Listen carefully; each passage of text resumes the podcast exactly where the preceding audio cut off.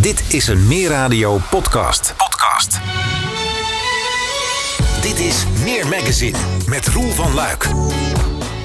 Op 30 maart is de nieuwe gemeenteraad geïnstalleerd met daarin vanzelfsprekend een aantal nieuwe gezichten die we ook graag aan je voorstellen.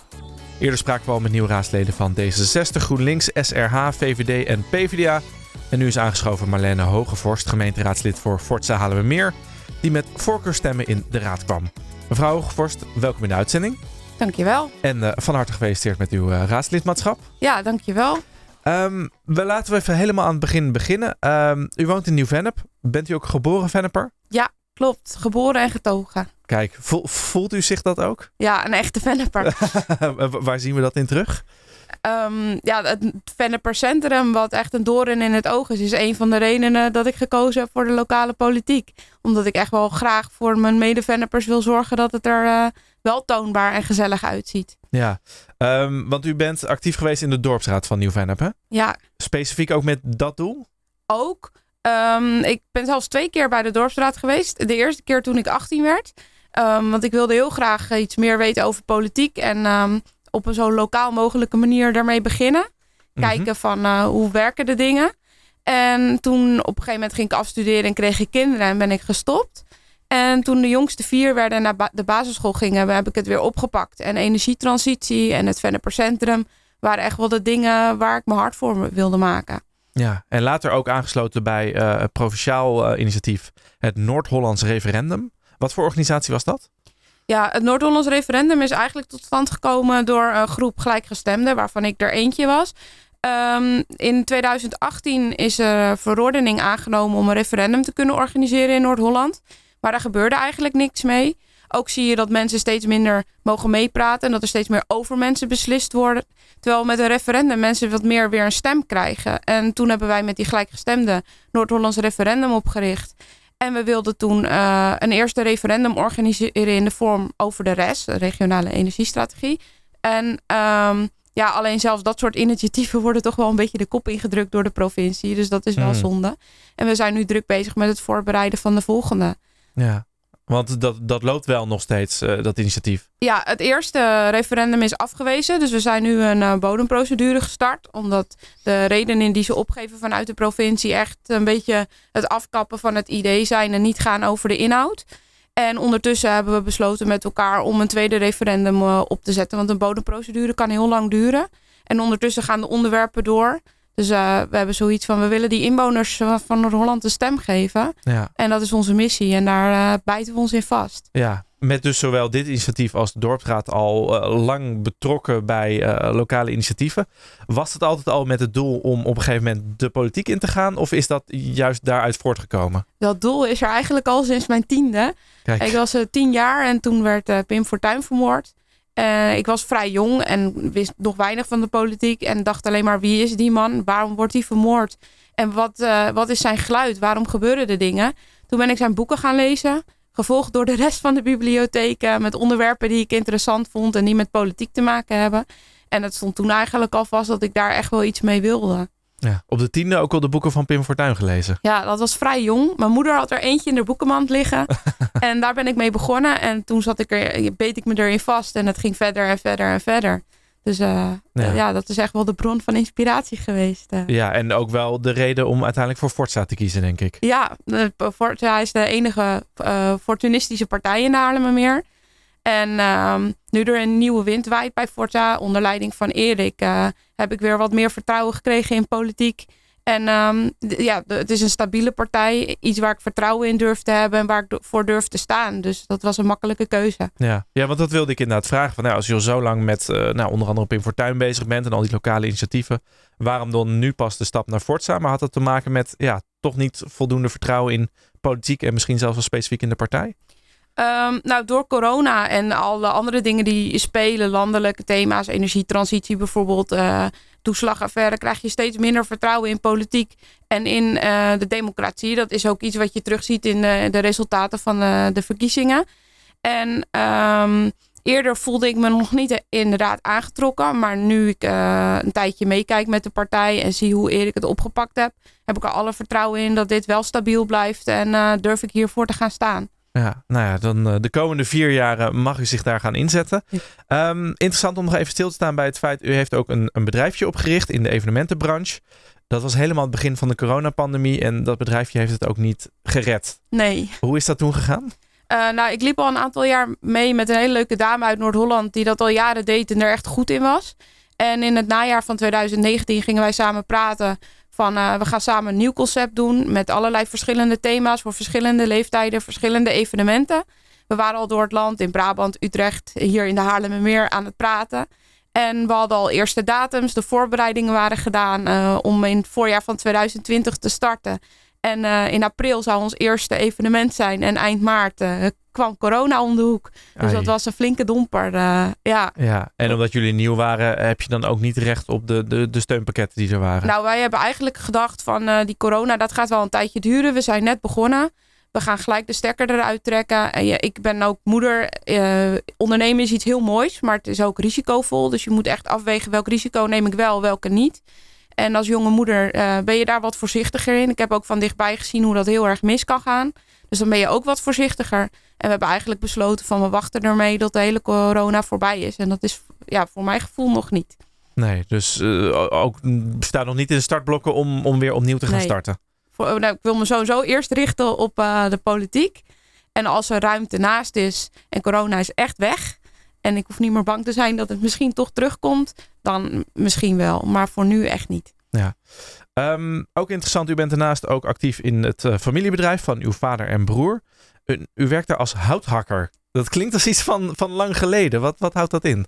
Um, nou ja, tegenwoordig gaat het wel machinaal. Wij versnipperen bomen, um, stammen tot uh, zaagsel, snippers, open haardhout, allerlei verschillende. Uh, deels gaat het naar laboratorium van ziekenhuizen voor onderzoek naar uh, bijvoorbeeld borstkanker. Inmiddels hebben we ook eh, geleverd voor onderzoek naar corona. En eh, daarnaast hebben we de branche van het barbecuen, het smoken en roken op hout. En ehm, tegenwoordig gaat het machinaal met versnipperaars en kloven en allerlei soorten zagen. Alleen ehm, ja, die boomstammen moeten wel in het apparaat. En dat gaat niet Ja, vanzelf. Dus het vraagt nog steeds lichamelijke inspanning. Maar we staan niet meer met een hakbouw Ja. op een boomstam te Maar slaan. eh, houtsnippers voor corona-onderzoek. ja, Want ehm, die link zie ik niet helemaal. Houtsnippers worden gebruikt in laboratoriums. Wij leveren hele schone houtsnippers. Die zijn eh, CITO, ISO gecertificeerd. En die houtsnippers die, eh, worden geleverd aan laboratorium. En de ratten en muizen waar onderzoek mee gedaan wordt... voor bijvoorbeeld borstkanker of coronamedicatie... ehm, die ratten en muizen zitten op ons hout, zeg maar. Ah, vandaar, vandaar. Eh, ja, we kunnen wel zeggen, u komt echt uit een ondernemersgezin. Is dat ook iets wat u meeneemt de politiek in? Dat u daar voor de ondernemers wil staan? een van de dingen, zeker. Eh, je ziet heel veel buur, eh, ja, als ondernemer wil je ondernemen. En ondernemers lopen nu vaak op tegen een muur van bureaucratie en regels en eh, beperkingen. En ik denk dat een overheid of een gemeente vooral meedenkend moet zijn. En niet, eh, oh, dit onderwerp past niet in onze visie. eh, u krijgt geen doorgang. Maar meer meedenken van, oh, u wil dit. Ehm, in welke mogelijkheden kan dit wel? En hoe, als u dat aanpast, kan het wel. En meer kijken in de mogelijkheden en niet in de beperkingen en eh, de, zoveel regels maken dat bijna niks meer mogelijk is. Ja. U bent met voorkeurstemmen in de raad gekomen. Eh, heeft u daarin ook dat de ondernemerschap centraal gezet en daarmee stemmen eh, geworven? Ik heb het wel benoemd dat ik ondernemer ben en mijn hart wil maken voor ondernemen. Ik ben zelf eerlijk gezegd heel erg verrast dat ik eh, met voorkeurstemmen erin ben gekomen. Ik had dat niet verwacht. We hebben bij Forza een lijst met eh, 25 toppers. Waarvan de top 10 bestond uit 10 mensen met enorme kennis en ervaring op allerlei verschillende fronten. Ze hadden het alle 10 ontzettend verdiend om een plek te krijgen. En ik had eerlijk gezegd niet verwacht eh, dat dit zou lukken. Dus ik was eigenlijk eh, heel dankbaar en verrast eh, dat dit zo mag zijn. Ja, inderdaad. Bijzonder als je, als je het niet ziet aankomen. Nu hebben jullie inmiddels twee gemeenteraadsvergaderingen gehad. Eh, eentje nog in het oude raadhuis. Nu op 28 april de eerste in de nieuwe tijdelijke locatie. Hoe beviel dat? Ehm, ja, in het oude raadhuis was al een beetje vertrouwd, omdat ik al een tijdje meeliep. Ik vind dat ook een heel mooi eh, pand met karakteristiek. Dus ik vind het echt heel zonde dat het gesloopt wordt. Ehm, ik zie de noodzaak er ook niet helemaal van in. En ook voor, ja, wat komt er voor terug? Hoe lang gaat het duren en wat gaat het allemaal kosten? Dat is ook iets wat onze partij eh, heel eh, strak in de gaten wil houden. En ehm, het nieuwe pand is vooral erg wit en licht en kantoorachtig. Dus dat moet nog even wennen. Ik moet wel zeggen dat de Griffie uh, zijn uiterste best heeft gedaan. En alle mensen die daaraan meegewerkt hebben. Om de raadzaal zo um, identiek mogelijk na te bouwen. Dus het voelde wel meteen al een soort van vertrouwen toen we daar oh, allemaal weer zaten. Ja, wat heeft dat invloed op de sfeer bijvoorbeeld? In, in wat voor zaal je zit? Um, ja, dat heeft natuurlijk wel een beetje te maken met waar je zit. En maar ook met de mensen met wie je zit. En volgens mij hebben we echt wel een leuke club met wie we allemaal uh, het de komende vier jaar mogen doen. Ja. Laten we even een stukje vooruitspoelen. De komende vier jaar zit u in de gemeenteraad. Wanneer kijkt u nou echt tevreden terug op die vier jaar? Wat zou u dan bereikt willen hebben?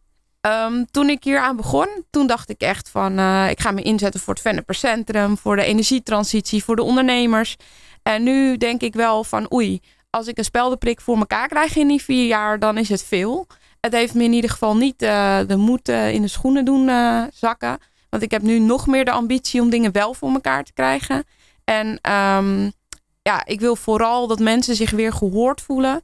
Dat ze het gevoel hebben en dat ze ook echt mee mogen praten. Want dat is het enige wat je terug hoort in de campagne. We hadden verschillende debatten in verschillende hoeken van de Haarlemmermeer. En overal hoor je, we voelen ons niet meer gehoord. We hebben er geen vertrouwen meer in. Er is niet voldoende participatie. En ik denk dat uh, als je ergens goed wil beginnen en dingen voor elkaar wil krijgen. Dat je moet zorgen dat die inwoners zich gehoord voelen. En dat je je besluiten baseert op de wensen van de inwoners.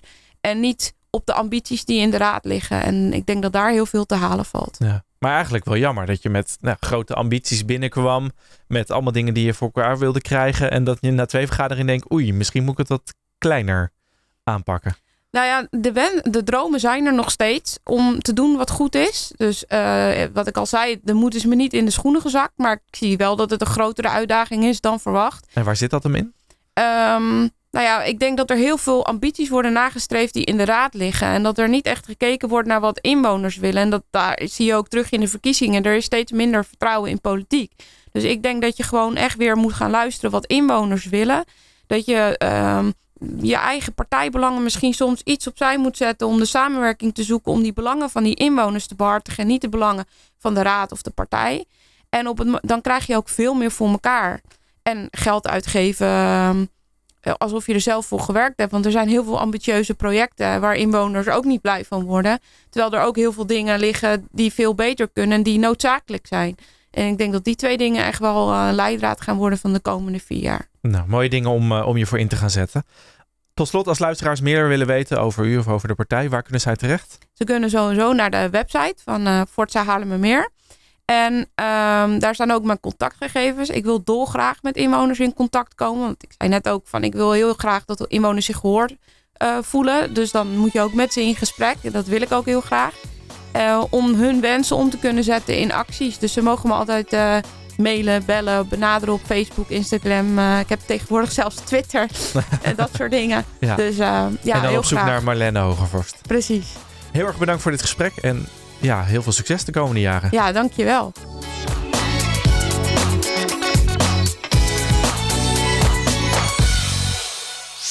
Meer magazine, meer radio, Haarlemmermeer.